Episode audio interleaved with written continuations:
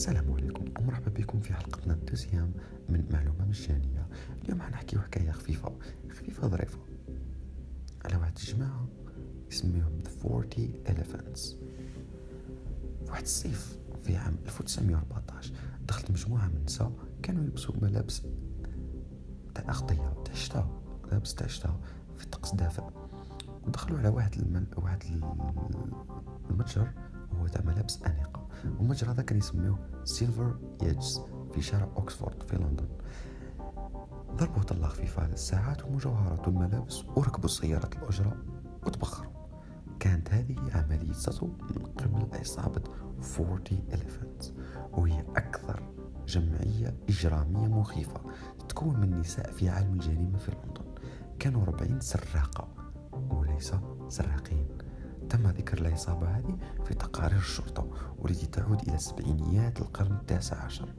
وكبدت أقسام الشرطة في تجميع الإحصاءات في القرن التاسع عشر اكتشفوا فجأة الجريمة المنظمة بصح علاش اسمهم كان أربعون فيلا؟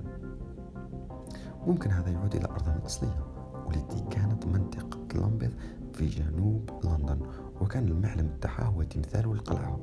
كانت حانة اسمها Elephant and Castle القريبة من المقرات تاعهم قصة أخرى هي أن الفيل كان تلاعب بالكلمات لأنيق Elephant Elegant.